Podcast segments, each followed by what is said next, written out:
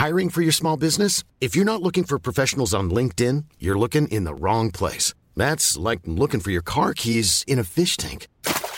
LinkedIn helps you hire professionals you can't find anywhere else, even those who aren't actively searching for a new job but might be open to the perfect role. In a given month, over 70% of LinkedIn users don't even visit other leading job sites. So start looking in the right place. With LinkedIn, you can hire professionals like a professional. Post your free job on linkedin.com slash people today. Hey, it's Ryan Reynolds, and I'm here with Keith, co-star of my upcoming film, If, only in theaters May 17th. Do you want to tell people the big news? All right, I'll do it. Sign up now and you'll get unlimited for $15 a month in six months of Paramount Plus Essential Plan on us. Mintmobile.com slash switch. Upfront payment of $45 equivalent to $15 per month. Unlimited over 40 gigabytes per month. Face lower speeds. Videos at 480p. Active Mint customers by 531.24 get six months of Paramount Plus Essential Plan. Auto renews after six months. Offer ends May 31st, 2024. Separate Paramount Plus registration required. Terms and conditions apply if rated PG. Wow. Nice. Yeah. What you're hearing are the sounds of people everywhere putting on Bombas socks, underwear, and t-shirts made from absurdly soft materials that feel like plush clouds. Yeah, that plush. And the best part? For every item you purchase, Bombas donates another to someone facing homelessness. Bombas. Big comfort for everyone. Go to bombas.com slash ACAST and use code ACAST for 20% off your first purchase. That's bombas.com slash ACAST. Code ACAST.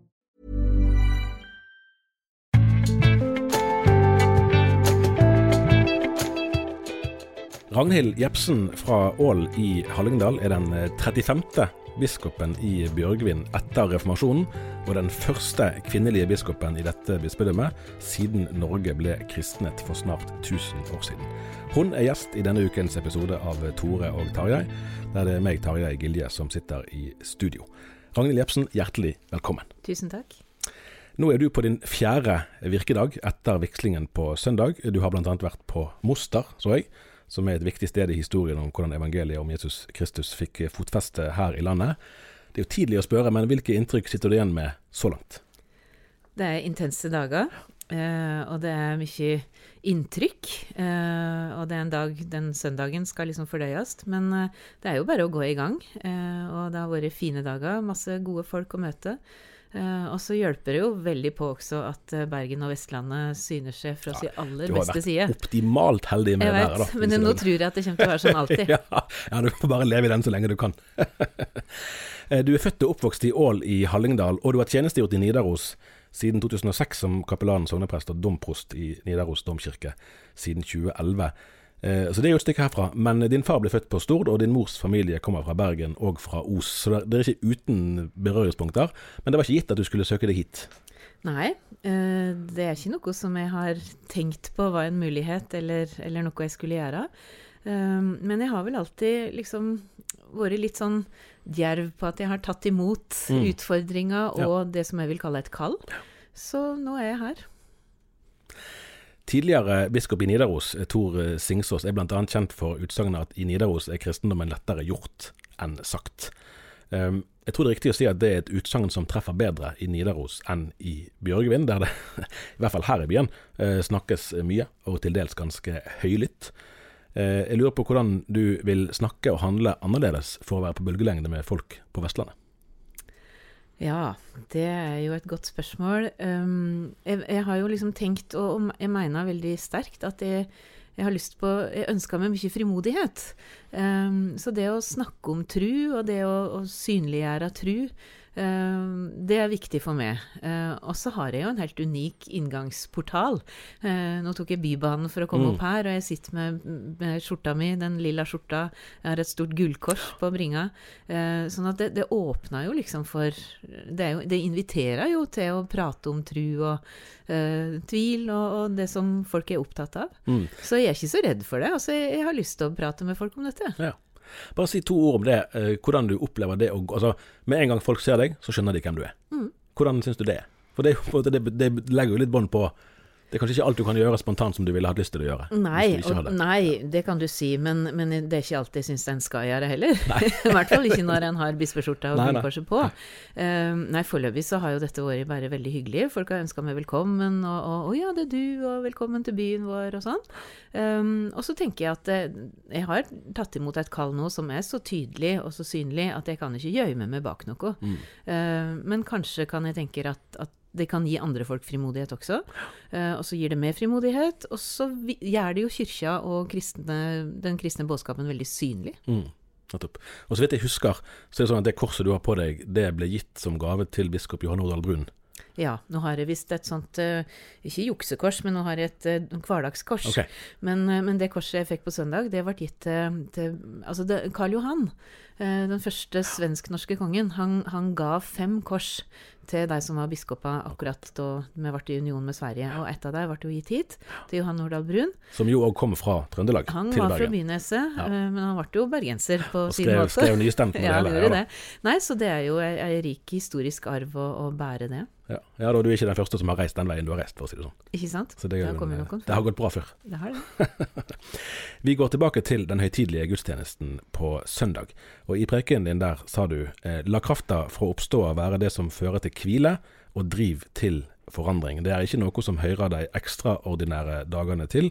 Nei, det er noe som helt gjennom alle de vanlige dagene som livet består av, og helt inn i døden, for livet har sigra over døden. Eh, Det har vært litt snakk om oppstandelsen nå i forbindelse med påsken. Hvor viktig er det for deg og for din tro at Jesus sto fysisk opp for de døde? Det er helt grunnleggende viktig for min tro. Det er i lyset av oppståa jeg får være en kristen. Eh, Det er i lyset av oppståa jeg er døypt. Eh, Da reises vi opp med den oppstandende Kristus. Og det er i lyset av oppstandelsen at, at Gud har sagt, eller har vist, at, at verden er forsona med Gud. Sånn at oppstandelsen tenker jeg helt, eh, den er helt livsviktig for, for meg og for min tro. Det er en annen ting, men jeg tenker for hele skaperverket. Men hvordan syns du det er å, å snakke om det? Altså for der, Vi vet jo på en måte historisk at eh, oppstandelse fra de døde var ikke vanligere den gangen enn det er nå, og fremdeles er jo det en umulig tanke sånn rent intellektuelt. Hvordan, hvordan klarer du å sette ord på det og snakke om det, når det samtidig er så essensielt i troen? Jeg tror at um, det som gjør oppstandelsen så genuint ja, så grunnleggende viktig og så stort, er jo nettopp det utenkelige at det kunne skje. Eh, og at Gud virka på utenkelige måter. Um, og det er mange ting i truet vår og i, i læra vår og i dogmene våre som man kan tenke dette er vanskelig å begripe. Å gripe med forstand, liksom. Men vi gjør det likevel. Uh, og, og sånn er det med oppstandelsen for meg. Altså, hvis Gud virkelig er så stor, så, så kan han reises opp fra deg døde. Uh, og det, det har aldri vært vanskelig for meg å tro, og det er ikke lenger det heller, eller det er ikke det heller nå. Men, uh, men det, er, altså, det er storheten i Gud som, som gjør at oppstandelsen er mulig, og det er det som gjør det mulig for meg å tro på. Akkurat. Eh, Etter gudstjenesten så var det en mottakelse i Håkonshallen for inviterte gjester på søndag. Eh, Og Der sa eh, kirkerådsleder Kristin Gunnleiksrud Råum i sin hilsen til deg at du i din tjeneste har vært jeg siterer, en bevisst tradisjonsbærer med dyp forståelse for betydningen av de lange linjer. Hvordan opplevde du det å stå der fremme i domkirken? Nå har jo du mye erfaring fra en annen domkirke som er enda mer prangende, men likevel, det er en lang historie å stå der at nå er det meg som biskop. Ja, Um, det er jo, det er en, det er et åk, på en måte. Mm. Um, men det er jo en stor rikdom da, å være den i rekka. Altså, jeg, jeg kjente veldig, uh, når jeg sto for alteret, men kanskje enda mer når jeg knelte på alterringen og ble bedt for, at nå blir jeg virkelig del av ei lang linje. Det var biskoper der som la hendene på meg, det var lekfolk, det var Og det var skikkelig tungt. Det, det trykte liksom huet mitt ned. Og jeg tenkte oi, nakken min, kan den bære dette? Um, og så tenkte jeg etterpå, fordi at jeg måtte liksom reflektere over hva som skjedde. Det er noe med det åket som er lagt på en, som skal være godt, men, men det er der. Eh, og det er kanskje noe det, det er både tungt og lett på samme tid. Um, og det å stå i ei lang linje, som du sier, jeg har gjort det mye i Nidarosdomen også før jeg kom hit, um, det gir jo en veldig uh, det gir meg mer trygghet enn utrygghet, for å si det sånn. For det er noen som har vært her før. Det er bare folk, men det er folk som har fått utrustning til å stå i det. Og, så, og nå er det min tur. Og jeg har fått et kall til å stå i det. Og så var det et litt eh, morsomt øyeblikk for meg eh, underveis der. fordi at når du ble presentert som biskop, så trakk jo kirkerådslederen frem bl.a. dine evner som liturg, eh, ikke minst med sang.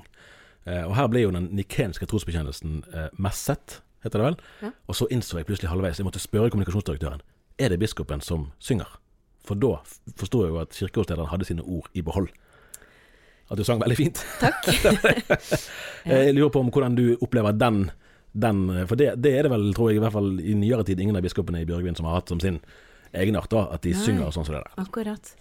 Nei, altså det er jo ei gave eh, som jeg har med meg. Eh, og som jeg er utrolig takknemlig for, og som jeg har fått bruke. Og jeg tenker at det, også, det, det, det, gir uttrykk for noe av rikdommen i kyrkja. Altså Kirkene våre, de gamle kirkene, er jo bygd for å synge i. Eh, og det var jo noe med den salmesangen som var på søndag, når vi sang 'Deg være ære' i inngangen der. Det, det bare løfta seg. Eh, Så det å stemme i og synge i domkirka, det var veldig godt. Og, og der er jeg på en måte veldig trygg. Ja. Men men det, viktige, det som er viktig her, er jo at det den nyvigsla biskopen alltid gjør i gudstjenesten, det er å framsi truvekjenninga sammen med kirkelyen. Det er det første viktige symbolet den nye biskopen gjør sammen med kirkelyen. Det er å sameines i det vi tror på. Så, så symbolmessig så er det veldig viktig og veldig grunnleggende. Eh, og en annen biskop ville kanskje lest det, men, men det var naturlig for meg å synge det. Og så stemte nå menigheten i og, og sang med. Ja, det. Men, men det at en sammen vedkjenner trua, det er jo det viktigste vi gjør, biskop og menighet sammen. Akkurat. Det kan forresten være at jeg gjorde noen av de forgjengere urett ved å si at de ikke sang, for det vet jeg for så vidt ikke om de gjorde, men jeg tror nok kanskje det er lov å si at det var på et høyere nivå. Det tror jeg jeg kan si uten å fornærme, fornærme noen. Eh, Etter gudstjenesten så var det òg et øyeblikk som jeg merket meg, for da, da gikk du ut sammen med kong Harald. eh, Så ble kirkedørene lukket, og så ble dere fotografert eh, utenfor. Og så kom da hele den tallrike forsamlingen ut, og du ble stående lenge utenfor kirkedøren og ta imot hilsener og lykkeønskninger fra Halvor Nordheim, som var din forgjenger, fra Kjersti Gautstad Nordheim, som var en av de andre bispekandidatene, og fra mange andre statsråder og, og, og vanlige folk i det hele tatt. Og bare det enkle som klarer du å huske når så mange har et eller annet de vil si til deg på så kort tid? Hvordan er det å, ta imot den, all den oppmerksomheten så konsentrert? Nei, om jeg husker det, det Altså, jeg husker på en måte inntrykkene og, og den godheten som strømde imot meg. Eh, jeg, jeg må vel kanskje dessverre si at jeg vil ikke huske hvert enkelt ansikt, men, eh, men det er mye eh, altså Det er lykkeønskninger, det er folk som har kommet til kirka. og De fleste kjente jeg jo ikke, jeg har ikke møtt deg før. Mm, men, men de ønska den nye biskopen velkommen. Noen kommer fordi de vil ønske Ragnhild velkommen, uh, men, men det er jo den nye biskopen. Mm. Og det kunne vært en annen, en annen kvinne kunne det vært som sto der, men nå ble det med. Uh, og det er, det er en god ting og, og at den nye biskopen blir ønska velkommen. Altså det, det er den varmen som strømmer på. Det Ja, det, det første jeg så da jeg var på vei bort med domkirken, var at oi, her kommer folk i bunader. Ja. Og det er pga. deg. Ja, og så måtte jeg tenke, ok, for, for jeg ble nesten litt sånn forlegen for det i dagene før jeg var innom i domkirka et par ganger for jeg skulle ordne noe, og der snekra de og måla og vaska og ordna. Og så tenkte jeg, eh, nei, jeg kan ikke gjøre dette bare for Ragnhild. Det blir for mye for meg å ta inn. Men så skjønte jeg plutselig at at det er jo ikke bare det, og det er nesten ikke det. Men det er for den nye biskopen. Og, og det sier noe om, om hvor viktig det er å ta imot en ny biskop, da. Um, og, og at det er viktig for folk. Det er en forventning der. Det er et håp, det er gode tanker, det er forbønn. Um, og så kom det jo med litt hjelp at statsråd Lehmkuhl skulle komme inn dagen ja, var før, og, ja. og kongen skulle komme, og det var mye som skulle ordnes. Men, men en må tenke større om det enn at det bare gjelder med. Uh, men, men jeg tar det jo inn, og jeg tar det med meg. Ja, ja. Ja. Eh, som jeg nevnte, så, så trakk kirkeårslederen frem dette med de lange linjer. Eh, neste år skal vi jo feire at kristenretten er 1000 år. Vi har snakket om at du allerede har besøkt eh, Moster, og det er jo flere markeringer nå i årene rundt oss som minner om kristningen av Norge. Eh, 1000 år er lenge. Eh, hvordan kan disse jubileene bli noe mer enn bare bakoverskuende? Jeg, jeg tenker jo at eh, på Moster har de funnet en veldig god eh, ja, hva skal jeg kalle det, visjon, altså en tanke om, om jubileet. De sier 'feira fortida, formar framtida'. Eh, og det med disse store jubileene Jeg har jo forholdt meg litt til Stiklestad også. Ja, for du har hatt litt sånn komitéverv. Ja, jeg har vært i styringsgruppa for Ja. det. Um, det handler jo ikke om en sånn reenactment, som de sier. liksom Det å gjenskape slaget, eller gjenskape liksom innføringen, akkurat hvordan kongen sto, og hvordan biskopen sto, og sånne ting. Men det handler jo om å finne ut hva er det med dette, disse skjellsettende tingene som skjedde, som vi faktisk har båret med oss. eh, som verdier, som samhandling, som grunnleggende tru. Eh, og hvor er vi hen nå, og hvordan vil vi ta dette videre? Så det er jo en gyllen anledning til å finne ut hvor, hvor er vi hen nå? Hvordan står det til med disse verdiene? Eh, og, og vi må sørge for fra kirkas side at det blir ikke bare snakk om allmennmenneskelige verdier, men det må jo være de kristne verdiene. Eh, hvordan, gjennomfør, altså, hvordan ser vi det i samfunnet vårt? Hvordan er vi med hverandre i henhold til det vi har lært og det vi tror på? Um, og, og, men og, hvordan kan vi samhandle i et samfunn som ser helt annerledes ut enn det gjorde for 100 år siden, når jeg markerte 900-årsjubileet og alle 100 år tilbake? Så, så er vi jo et helt annet samfunn i dag. Um, og så må vi finne ut hvordan kan vi føre de gode samtalene om verdier, om hva vi tror på, om hva vi skal respektere. Og jeg tror jo veldig på at vi ikke skal føre det på et sånt metanivå, liksom i, på debatten på TV mm. eller i, i, de store uh, sammenhengene, men vi skal ta det ned så djupt som vi kan. Uh, I kirkeliene, i bibelgruppene våre, i, rundt på bordet på arbeidsplassen. Altså, uh, og ikke minst på Moster der er veldig opptatt av ungene ja. og den oppvoksende slekt. Hvordan kan vi prate godt sammen? Hva er det i kristenretten da, som sa at du skal ikke lenger sette ungene ut i skogen. Du skal respektere det, det faktisk eh, helligdagene som skal styre mm. arbeidsuka di. Altså alle dette tinget som kom. Hvordan etterlever vi det i dag, og hvordan forholder vi oss til det? Uh, og når vi ser rundt oss, bare ute i Europa, rundt i verden, at, at, ting er liksom i spel, og at ting er helt annerledes, hvordan kan vi holde fast på dette? Hvordan kan vi ha tillit til hverandre, åpenhet, men samtidig holde fast på det som er vårt eget? Så det er ganske viktige samtaler som skal føres, og jeg har veldig tro på det å involvere unger og ungdom ja. og den oppvoksende slekt. Eh, det tror jeg er helt grunnleggende. Men, men, i de foraene der det er godt å prate sammen, ja. og dermed trygge, eh, det har jeg veldig sans for. Akkurat. Apropos eh, barn og unge. Eh, Ole Hagesæter, som var biskop fra 1994 til 2008, han eh, profilerte seg jo som barnebiskopen. Og Halvor Norhaug eh, ville særlig satse på ungdommen. Har du noen sånne aldersgrupper som du vil satse særlig på? Ja, hvis jeg skulle følge den regla der, så ville jo jeg bli, bli voksenbiskopen, men det, det, har jeg ikke tenkt å bli. Og jeg vil heller ikke bli en sånn utvatna biskop for alle, men, mm. men, jeg vil jo gjerne at jeg skal Altså, jeg ønsker for min bispetjeneste at jeg skal være en som folk kjenner tillit til og vil komme til. Mm. Men jeg tenker jo at det er jo barn og unge som er satsingsområdet ja, vårt. Ja. Uh, og jeg har allerede snakka med ungdomsrådet i Bjørgvin. Vi har hatt møter i dag, snakka om konfirmantarbeidet, mm. trusopplæringen. Altså det er jo helt klart, Dette er jo satsingsområder i kirka vår også, så det er jo ikke vanskelig å, å tenke at det er viktig. Men, men, det er jo der vi må være. Vi må døype. Vi må mm. være i kontakt med unge familier som får barn. Uh, de som er medlemmer i kirka vår, men som vi ser ikke alle tenker at det er naturlig å døype. Hvordan kommer vi i dialog mm. med deg? Hvordan skaper vi trygge, fine forhold i kirkelyen som folk vil være med i? Så, så det er mange aldersgrupper, men vi er helt nødt til å være der eh, som kirke og jeg som biskop for den oppvoksende slekt. Ja, det, det, må jeg prioritere høyt, og det liker jeg godt. Ja, ja. Så, så, det vil jeg glede meg over. Jeg skjønner. Eh, kirkestatsråd Kjersti Toppe eh, var òg i mottakelsen i Håkonshallen, og der sa hun at du er og nå siterer jeg igjen, ei som kjenner kulturlivet, samfunnslivet og politikken, men også bedehuset, rådsstrukturen i kyrkja og levd liv i bygdene, og som dessuten er medlem i Mållaget. Eh, hvis vi begynner med det siste. Eh, for du er, så vidt jeg har fått brakt på det rene, den første biskopen i Bjørgvin på i hvert fall 50 år som har nynorsk som uh, hovedmål. Og fra et mållagsmedlem til et annet. Uh, hvor viktig er nynorsken som identitetsfaktor for deg? Den er veldig viktig. Um, jeg har jo vokst opp med nynorsk, med dialekt. Vi skrev nynorsk på skolen. Uh, og jeg er opptatt av hvordan en kan uttrykke seg, uh, og da er det jo nynorsk som er viktig for meg. Um, og så ser vi at språket trua. Uh, bokmålet tar over engelsken, ikke minst. Mm. så det å holde på dialektene, og, og, dialektene fører naturlig til at en skriver nynorsk, tenker jeg da. Og så er det noe med hjertespråket. Ja. Altså hvordan uttrykker en seg aller best når vi ber, når vi vil mm. lese, når vi skal synge, når vi tenker. det som ligger nærmest hjertet, det er det som er mest naturlig for oss å uttrykke oss på. Så, så nynorsken er viktig viktig, mållaget er viktig. Um, og jeg tenker at det er, noe, det er, noe, godt med det. Jeg er også medlem i Teologisk mållag. Da betaler jeg 40 kroner i tillegg på medlemskontingenten.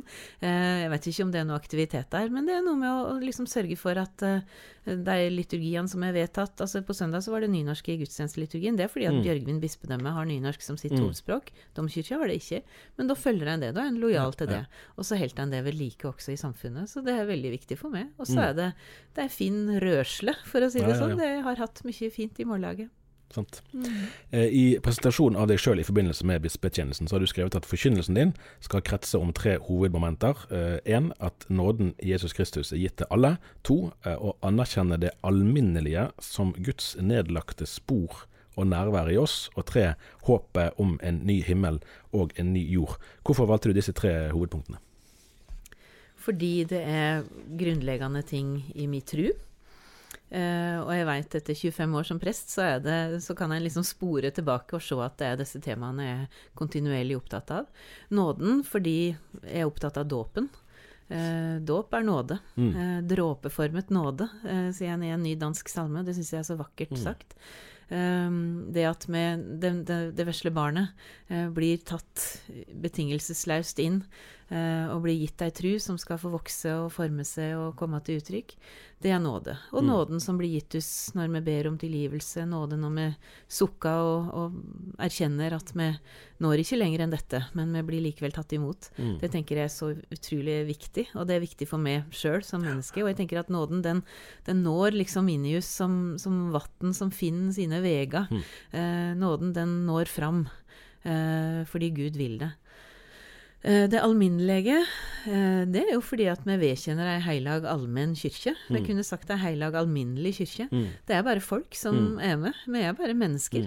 Men det henger sammen med nåden. Det Gud, Gud har sagt at denne kyrkja vil, vil Gud ha på jorda. Eh, med alminnelige mennesker. Og, og, og det, det hellige er lagt ned i oss gjennom dåpen og gjennom skaperverket.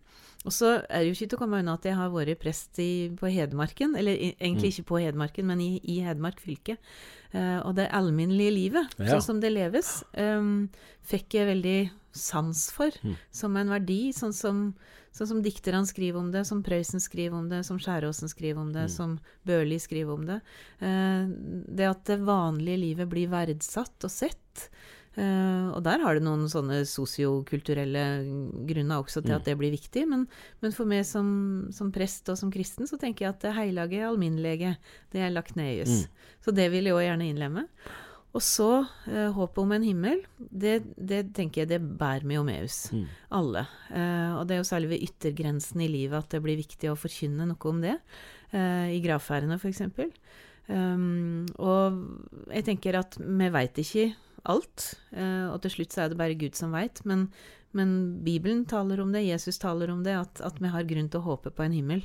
Eh, det er en ny himmel og en ny jord som skal skapes, og det, det må vi snakke om. Det må jeg forkynne. Det mm. må jeg gi folk håp til å tro på. Akkurat. Eh, I trosbekjennelsen sier vi jo at Jesus skal komme igjen for å dømme levende og døde. Din forgjenger arbeidet med, eller du kan vel til og med si at han strevde med tanken om fortapelse, og skrev jo litt om det. Eh, du har òg uttalt deg om det senest nå i, i Bergens Tidende. Eh, hva betyr det at Jesus skal dømme levende og døde hvis alle blir frelst til slutt?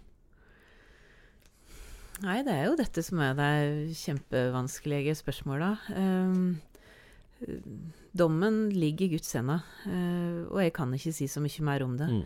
Uh, jeg tror jo at vi dør det er, en, det er, en, søvn, det er noe Det skjer ikke nå, men det skjer en dag. Mm. Uh, og da skal vi stå til ansvar, og vi skal bli, bli tatt inn i, i, en nåde. Og det er det vi kan, kan si. Mm. Jeg, jeg, tenker, jeg syns det er veldig vanskelig. Jeg, jeg håper at, eh, at, at, alle vil nå fram, men, men jeg veit ikke. Og jeg tenker det er bare Gud som veit. Mm. Kanskje veit ikke Gud det nå engang. Mm. Det, det, er jo spørsmål som folk har bala med i, i, snart 2000 år. Ja, det er akkurat det. Altså, i, i, sant, De første kristne hadde jo en veldig sånn nær tro på at det skjer snart. Mm. Og da var det kanskje enklere å forholde seg til, for da visste en liksom hva en hadde gjort, og, og Jesus har sagt det. Det skal skje. Men jo lenger tid det går, jo vanskeligere blir det for oss å ta det inn. Jo mer vanskelige ting ser vi rundt oss, jo mer katastrofer, jo mer vondskap vi ser, jo vanskeligere er det jo å tro at alle skal nå fram. Men så er det nåden. Og mm. så veit vi ikke. Eh, du skriver òg i din selvpresentasjon at Kirken etter din mening skal være Den skal verke til trøyst og oppmuntring, men også kalle til oppbråt og handling som følge av evangeliets budskap om Jesus Kristus. Eh, jeg lurer på eh, hvilken plass forkynnelsen til omvendelse har i en folkekirkevirkelighet. For her vil jo f.eks. ganske sikkert mange bedehusfolk mene at folkekirken er altfor opptatt av å bekrefte kimer av tro som måtte finnes, så mye at man unnlater å forkynne behovet for å vende om. Mm. Det, jeg, jeg, ser den, jeg skjønner det. Um, og at det, det, vil være ulikt forkynt. Um, jeg tror når, når kirka kaller til omvending i dag, så, så er det en, en, kan jo bli beskyldt for at det er liksom det sosioetiske, liksom en skal snu, mm, og mindre forbruk og, og mer rettferd og alt dette. Men, men hvis en ser liksom enda større på det, da, og ser liksom ovenfra på, på det som er våre største fristelser i vår tid, det som er det største bråtet mot Guds vilje, Mm. så, så ligger det kanskje noe der. Uh, sånn at når jeg preika til omvendelse jeg, jeg tror at jeg preika til omvendelse, jeg vil gjerne det. Mm. Uh, og, og, men jeg kan ta tak i sånne konkrete ting. Men Mm. jeg tror at det er noe av de største fristelsene som ligger i vår tid. Um, og at det krever et oppråd, og det krever en endring. Mm. Um, og, og det gjør jo også med noe Altså det gjør jo med noe us- inni oss. Mm. Um, og og det, det gir en bevissthet om Guds vilje med våre liv, uh, om Jesu budskap, om uh, evangeliets kraft til å forandre. Uh, og jeg, jeg, jeg, ser, jeg ser ikke så mye motsetning mellom det å tenke en klassisk omvendelse og det vi ser mye forkynt i vår tid. Jeg, jeg tenker at, at vi er jo på den samme linja. Mm. Uh, men jeg tenker at det er utfordringer i vår tid, og det er synd i vår tid, ikke minst, som, som gjør at vi kanskje må bruke andre ord og bruke andre bilder, og, og tenke mer konkret om andre ting enn det han har gjort før. Mm. Godt. Jeg kom over jeg lyst til å si det, jeg tror det var andre påskedag så sendte NRK en, en gudstjeneste, jeg tror det var fra 2011 Festspill i Harstad, der Per Arne tidligere biskop i Tunsberg, hadde besøk av Rolf Wesenlund og Arthur Arntzen for å snakke om humor og gudstro.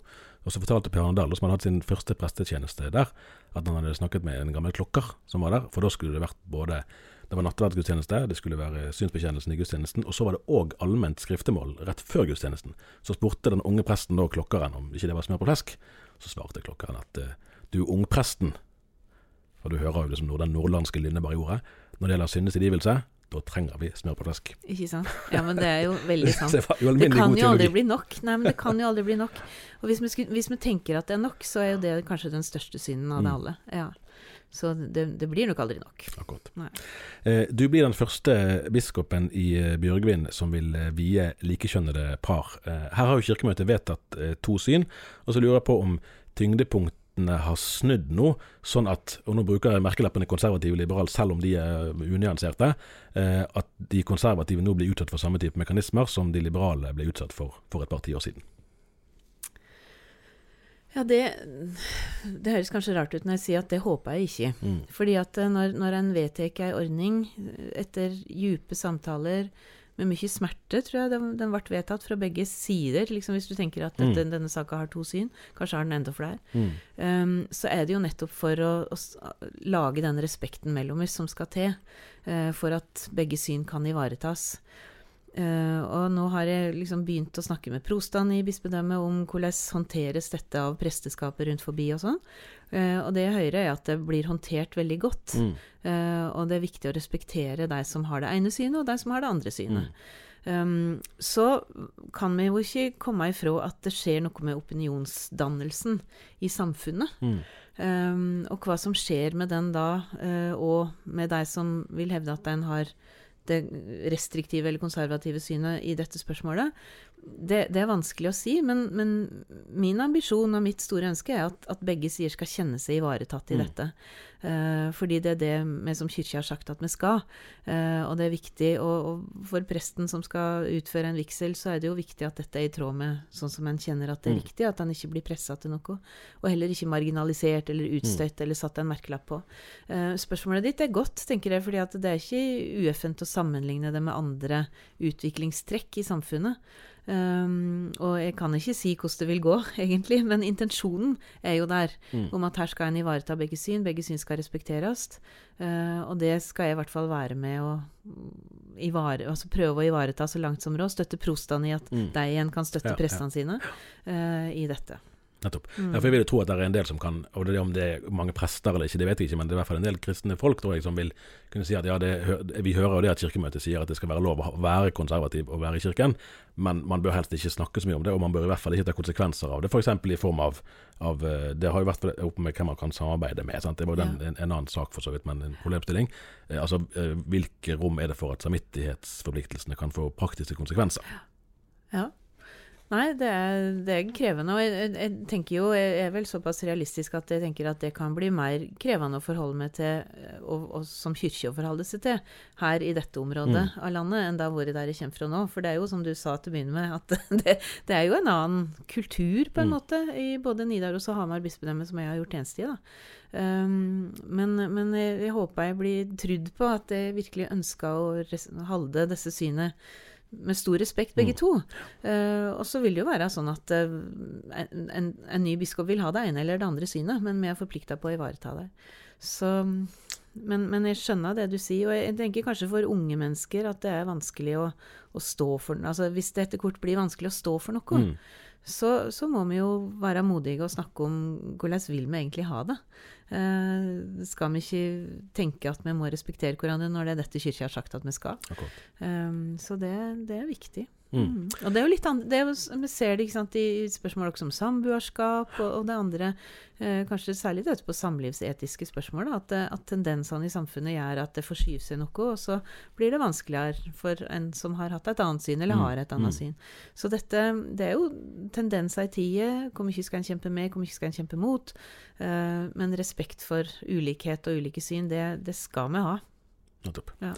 Vi nærmer oss eh, slutten, men jeg er innom et, et litt eh, Nå sier jeg gøyt, men det er fordi jeg er veldig interessert i det sjøl, og det vet jeg jo at du òg er området. Det, det er ikke alltid det er gøyt, og det er jo sang og musikk. Ja. For du har jo i to omganger vært i, i komiteer for salme. Det var jo den i 1997, Mhm. kom en sånn tillegg. Og så kom jo selve salmeboken. Den kom vel i 2013, men du var i komiteen som arbeidet det Ja, rett jeg var før i det. det siste redaksjonen, liksom, fram mot at den var gitt ut. Eh, og, der, og derfor da vil jeg bare trekke litt For en ting er jo, er jo altså det som skaper, eh, har skapt eh, skiller mellom kirkesamfunn, er jo gjerne teologiske, konfesjonelle linjer. Men så vet jo mange som har vært litt i kirkelige sammenhenger, at, at ofte kan jo f.eks. sang- og musikkstil være vel så splittende som mange teologiske stridsspørsmål.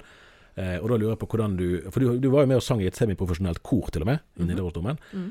Eh, hvordan du orienterer deg i landskapet eh, salmesang, bedehussang og moderne lovsang. Hvilken plass? Det er jo en liten delegasjon av lovsanger òg i salmeboken, Mm. men den er ikke så lang. Eh, hvordan, for her, her i bispedømmet vil jo òg møte masse, og det har de gjort i Trøndelag òg sikkert, eh, av forskjellige sangtradisjoner som Mm. Ja. møtes i kirkelige Ja.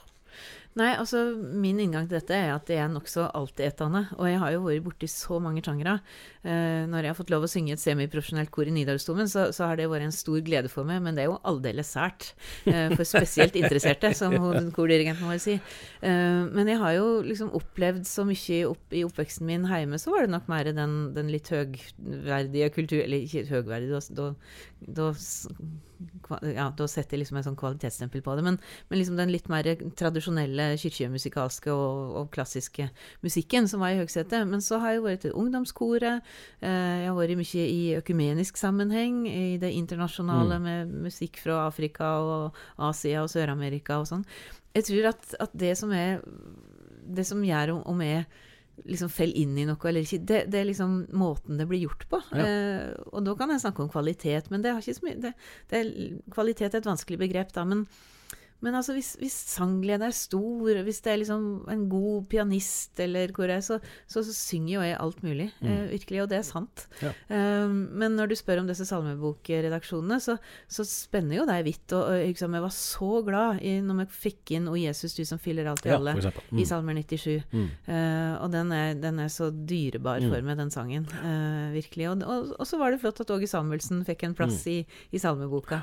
Og så er det jo noen av disse flotte, store engelske salmene med Mm. Ja. Så, så det er liksom så stort spenn. Så har du TC, og så har du noen lovsanger. Og så har jeg skjønt mer og mer at uh, lovsang er jo litt sånn ferskvare. Mm. Uh, det var jo akkurat en artikkel om Ja, det var her ja. i Dagen eller Vårt Land, om, om liksom at det, det vil jeg nesten ikke skrive ned engang. fordi Mm. at det, det, det er noe som kommer, og som blir skapt nytt og blir til der og da. Og det har jeg veldig respekt for. Og så er det ting som er liggende, og som er tradisjon som er flott å ta opp. da. Så, men jeg er nokså altetende, faktisk. Men, men kvalitet på et eller annet vis. Altså blir det gjort godt, er det stort engasjement, uh, ja, er det glede? Det betyr mye for meg. Jeg var på konsert med Ivar Kleive og Knut Reiersrud i Domkirken rett før jul nå, og da sa ja, det var vel Reiersrud som sa det, at dette er faktisk Norges beste orgel. Ja, Så det er jo den siden av saken, da. ikke sant? Det skal, det skal du få I høre litt på. Ja, ja. ja det, det sier jeg at det er veldig godt orgel. Og så er det utrolig gode organister der, er ja. som trakterer det godt. Mm. Nettopp.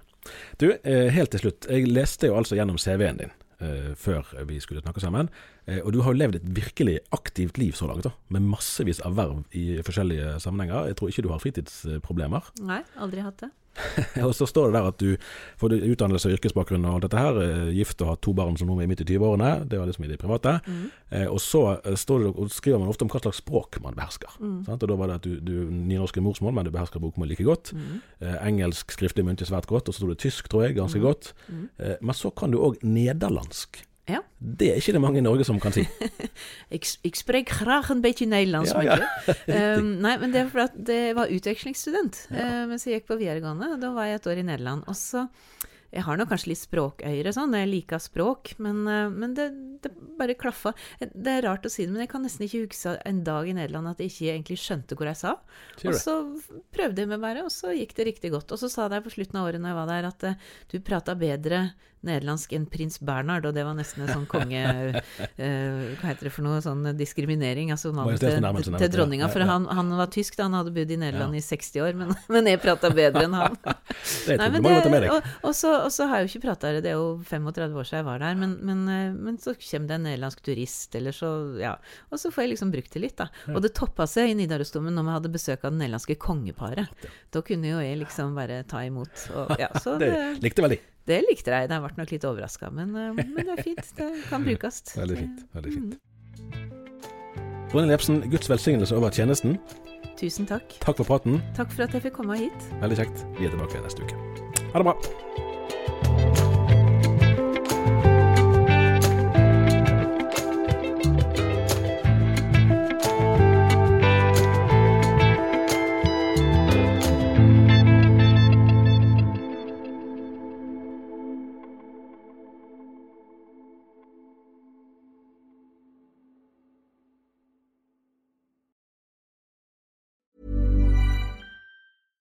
Hi, I'm Daniel, founder of Pretty Litter. Cats and cat owners deserve better than any old fashioned litter. That's why I teamed up with scientists and veterinarians to create Pretty Litter. Its innovative crystal formula has superior odor control and weighs up to 80% less than clay litter. Pretty Litter even monitors health by changing colors to help detect early signs of potential illness. It's the world's smartest kitty litter. Go to prettylitter.com and use code ACAST for 20% off your first order and a free cat toy. Terms and conditions apply. See site for details. Even when we're on a budget, we still deserve nice things. Quince is a place to scoop up stunning high-end goods for 50 to 80% less than similar brands. They have buttery soft cashmere sweaters starting at $50, luxurious Italian leather bags, and so much more. Plus, Quince only works with factories that use safe, ethical, and responsible manufacturing. Get the high-end goods you'll love without the high price tag with Quince. Go to quince.com slash style for free shipping and 365-day returns.